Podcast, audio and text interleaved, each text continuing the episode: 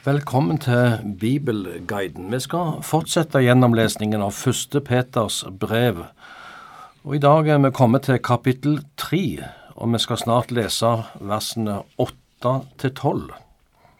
Dette avsnittet starter med ordene 'til slutt'. Det betyr at disse versene avslutter et langt avsnitt fra kapittel to og vers elleve. Temaet har vært hvordan en kristen skal leve i forskjellige relasjoner hvordan vi skal leve i forhold til ikke-kristne, hvordan vi skal forholde oss til myndighetene, hvordan en kristens relasjon til sine overordnede i arbeidslivet skal være, det har også vært tema. Og forrige gang så gjaldt det relasjonen mellom mann og kvinne i ekteskapet. Og nå, til slutt, kommer det en sammenfatning til alle i den kristne menigheten, og vi leser versene åtte til tolv. Til slutt, ha alle ett sinn, vær medlidende, kjærlige mot brødrene, barmhjertige og ydmyke, så dere ikke gjengjelder ondt med ondt eller skjellsord med skjellsord, men heller velsigner, for dere er selv kalt til å arve velsignelse. For den som vil elske livet og se gode dager, han skal holde sin tunge fra ondt og sine lepper fra svikefull tale. Han skal gå av veien for ondt og gjøre godt. Han skal søke fred og jage etter den. For Herrens øyne er over de rettferdige, og hans ører er vendt til deres bønn. Men Herrens åsyn er over dem som gjør ondt. Vers åtte minner de kristne om å ha ett sinn. Det sier noe om samhørigheten kristne imellom. Ikke at kristne nødvendigvis skal være enige om alle ting, men som kristne så har vi fått del i Jesu Kristi sinnelag. Og så er det som Peter vil si, la det sinnelaget få prege deres holdninger til hverandre. Videre blir vi minnet om å vise medfølelse med de som lider. Husk at dere er søsken i Guds store familie. Vær derfor kjærlige, barmhjertige og ydmyke i forhold til hverandre. Se hvor de elsker hverandre, sa hedningene om de første kristne. Kan det si oss om det kristne fellesskapet du og jeg tilhører? Ser de ikke-kristne at vi har en innbyrdes kjærlighet til hverandre fordi vi er trossøsken? Det var både forfølgelse og mye kamp om læremessige spørsmål, eh, også i den første kristne tid. Men midt i alt dette merket de ikke-kristne at de som trodde på Jesus, hadde en kjærlighet til hverandre som trossøsken. Så er vel utfordringen til oss i dag å finne den gode balansen i det å være sannheten tro i kjærlighet. I møte med de som måtte håne og trakassere oss som kristne, så innskjerpes det igjen. Dere skal ikke ta igjen, men heller møte det onde med det gode, og heller velsigne enn å forbanne, for dette er dere kalt til. Og det vil også føre til at dere sjøl vil bli velsigna. Det minner oss om at et liv under Guds velsignelse ikke alltid behøver å være et liv fullt av lykke lykke og medgang etter denne verdens målestokk, men et liv under Herrens velsignelse.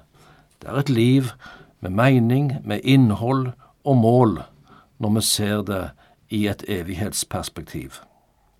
Peter lever mye i Det gamle testamentet, og versene 10, 11 og 12 er sitater fra Salme 34.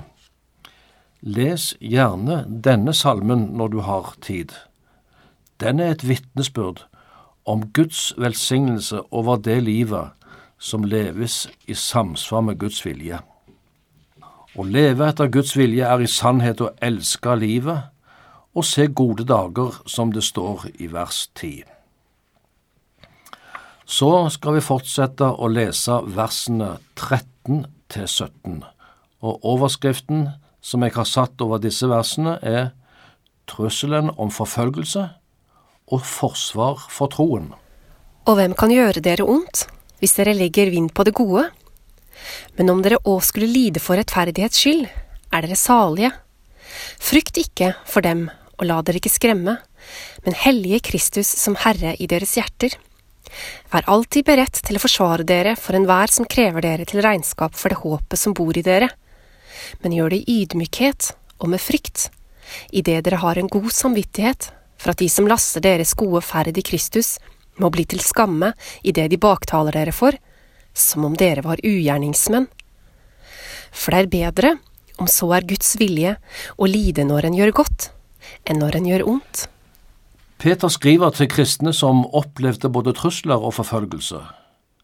Og Peter hadde sjøl erfaring med motgang og forfølgelse.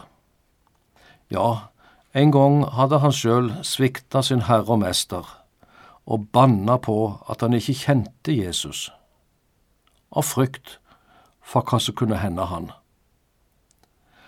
Men han angra sårt, og fikk et nytt møte med Jesus etter hans oppstandelse. Nå har Peter levd et langt liv i tjeneste for sin frelser. Han er i Roma, og snart skal han lide martyrdøden. Hva sier han til sine medkristne i menighetene i det nordvestlige Tyrkia? Jo, han sier, frykt ikke for dere motstandere. La dere ikke skremme. Dere skal bare fortsette med å gjøre det som er rett og godt. Og så sier han noe om at også Jesus sa til sine disipler, nemlig dette, om dere skulle lide for rettferdighets skyld, så er dere salige. Salig, ja, det er noe annet enn en lykkefølelse, eller noe mer enn en lykkefølelse. Å være salig, det er en tilstand. Og i Bibelen handler det om å ha sin sak med Gud i orden. Salig er det mennesket som Herren ikke tilregner misgjerning, står det i Salme 32. Og salig er den som har fått sine synder tilgitt. Det er en lykkelig tilstand. Selv når en opplever motgang og forfølgelse fordi en er en kristen. Det andre Peter tar opp i dette avsnittet, er at vi som kristne må være beredt til å forsvare vår tro. Kanskje kristne, som Peter skrev til, måtte forsvare sin tro innimot myndighetene, i retten. Kanskje dreier det seg for oss like mye i hverdagslivet, overfor våre arbeidskolleger, familie, eller andre som måtte komme med sine anklager overfor den kristne tro og spørsmål for å sette oss på prøve. Vær alltid beredt, sier Peter. Mange kristne synes det er vanskelig å gå inn i samtale eh, eller diskusjon med ikke-kristne og svare på vanskelige spørsmål og angrep på Bibelens lære. Og det kan være krevende. Men i slike situasjoner tror jeg vi kommer lengst med å være både personlige og ydmyke. Her handler det ikke om å slå hverandre i hodet med bibelvers, men snarere å si noe om hvorfor jeg er en kristen. Rett og slett et vitnesbyrd om Jesus. Så må vi bare innrømme at vi ikke alltid makter å vinne en diskusjon, og det er heller ikke det viktigste så er det kanskje andre i den kristne menighet som bedre kan ivareta trosforsvar og imøtegå de som kommer med angrep på kristen tro. Men når det er sagt, så skal vi som kristne likevel alltid være beredt til å avlegge et vitnesbyrd om Jesus og om det håp som bor i oss som tror, som det her står. Så skal vi lese versene 18 til 22, som er det siste avsnittet i kapittel 3 i første Peters brev. Også Kristus led, står det som overskrift over dette avsnittet. For også Kristus led en gang for synder, en rettferdig for urettferdige, for å føre oss fram til Gud, han som led døden i kjødet, men ble levendegjort i ånden. I denne gikk han også bort og prekte for åndene som var i varetekt, De som tidligere var ulydige, den gang da Guds langmodighet ventet i Noas dager, mens arken ble bygd. I den ble noen få. Det er åtte sjeler, frelst ved vann. Det som også nå frelser oss i sitt motbilde, dåpen. Den er ikke en avleggelse av kjødets urenhet, men en god samvittighetspakt med Gud. Ved Jesu Kristi oppstandelse, Han som er ført opp til himmelen og er ved Guds høyre hånd, hvor engler og myndigheter og makter er ham underlagt. Ja, også Kristus led.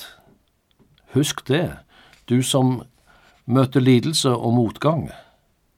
Jesus, din Herre og Frelser, måtte tåle mye lidelse, spott, hån og motgang. Hans lidelse og død ble til vår frelse. Han led i stedet for oss, for å sone vår synd og all verdens synd. Ja, det var en stedfortredende død, som skjedde én gang for alle, for å føre oss fram for Gud, som det står i vers 18. Det forteller oss at vi gjennom Jesus kan komme fram for Gud med frimodighet. Den seier han vant ved sin død og oppstandelse, er vår seier. For ned til dødsriket. Slik bekjenner vi i den andre trosartikkel. Og vers 19 og 20 sier noe om dette som er vanskelig å forstå. Hva betyr det at Jesus gikk bort og prekte til åndene som var i varetekt? Det står ingenting om hva Jesus forkynte for åndene i dødsriket. Noen tenker at han forkynte evangeliet for dem som ikke hadde fått høre evangeliet i sin levetid. Men her er det snakk om mennesker som hadde vært gjenstridige. Det vil si slike som hadde hørt Guds ord gjennom Noah. Men de hadde ikke villet høre på han. Så omkom de alle i den store vannflommen. Ingen andre steder i Bibelen blir det sagt at mennesker får en sjanse nummer to til omvendelse etter døden. Andre sier at Jesus for ned i dødsriket for å forkynne en dom over de som hadde vært gjenstridige. Ja, Jesu død er en seier over alle onde makter, og dette ble en dom for de som ikke ville høre og ta imot evangeliet. Men eh, i hvert fall kan vi vel si at Jesu nedfart til dødsriket, det var en proklamasjon av hans seier. Men hva så med alle de som aldri har hørt om Jesus? Det spørsmålet skal vi overlate til Gud som dømmer rettferdig. Det skjulte hører Herren, vår Gud, til men det åpenbarte er for oss og våre barn, står det i 5. Mosebok 29-29. Og det som er åpenbart for oss, er at frelsen er knytta til Jesus Kristus og Han aleine. Ditt og mitt forhold til Jesus her i livet vil bestemme hvor vi skal tilbringe evigheten, og det gjelder alle mennesker. Vers 21. Da vannflommen kom i Noas dager, så var det bare Noah og hans familie, det vil si åtte stykker, som ble frelst. De kom om bord i arken, i båten, som Noah i lydighet mot Gud hadde bygd. Og her bruker Peter dette som et forbilde på dåpen. Vannet bar båten, arken, og de som var om bord i båten, ble frelst, fordi de trodde på Gud og tok sin tilflukt i denne arken. Og så brukes dette som et bilde på dåpen, at dåpen gir frelse til deg som blir døpt i Faderens, Sønnen og Den hellige ånds navn. Og Som lutherske kristne så tenker vi at dåpen er et nådemiddel. Og så vet vi at det er forskjellige syn også på hva dåpen er og gir, men eh, det blir det for langt å gå inn på her. Men legg merke til dette bildet som Peter bruker om dåpen i dette verset. Her skal vi avslutte i dag. Gud velsigne deg som lytter.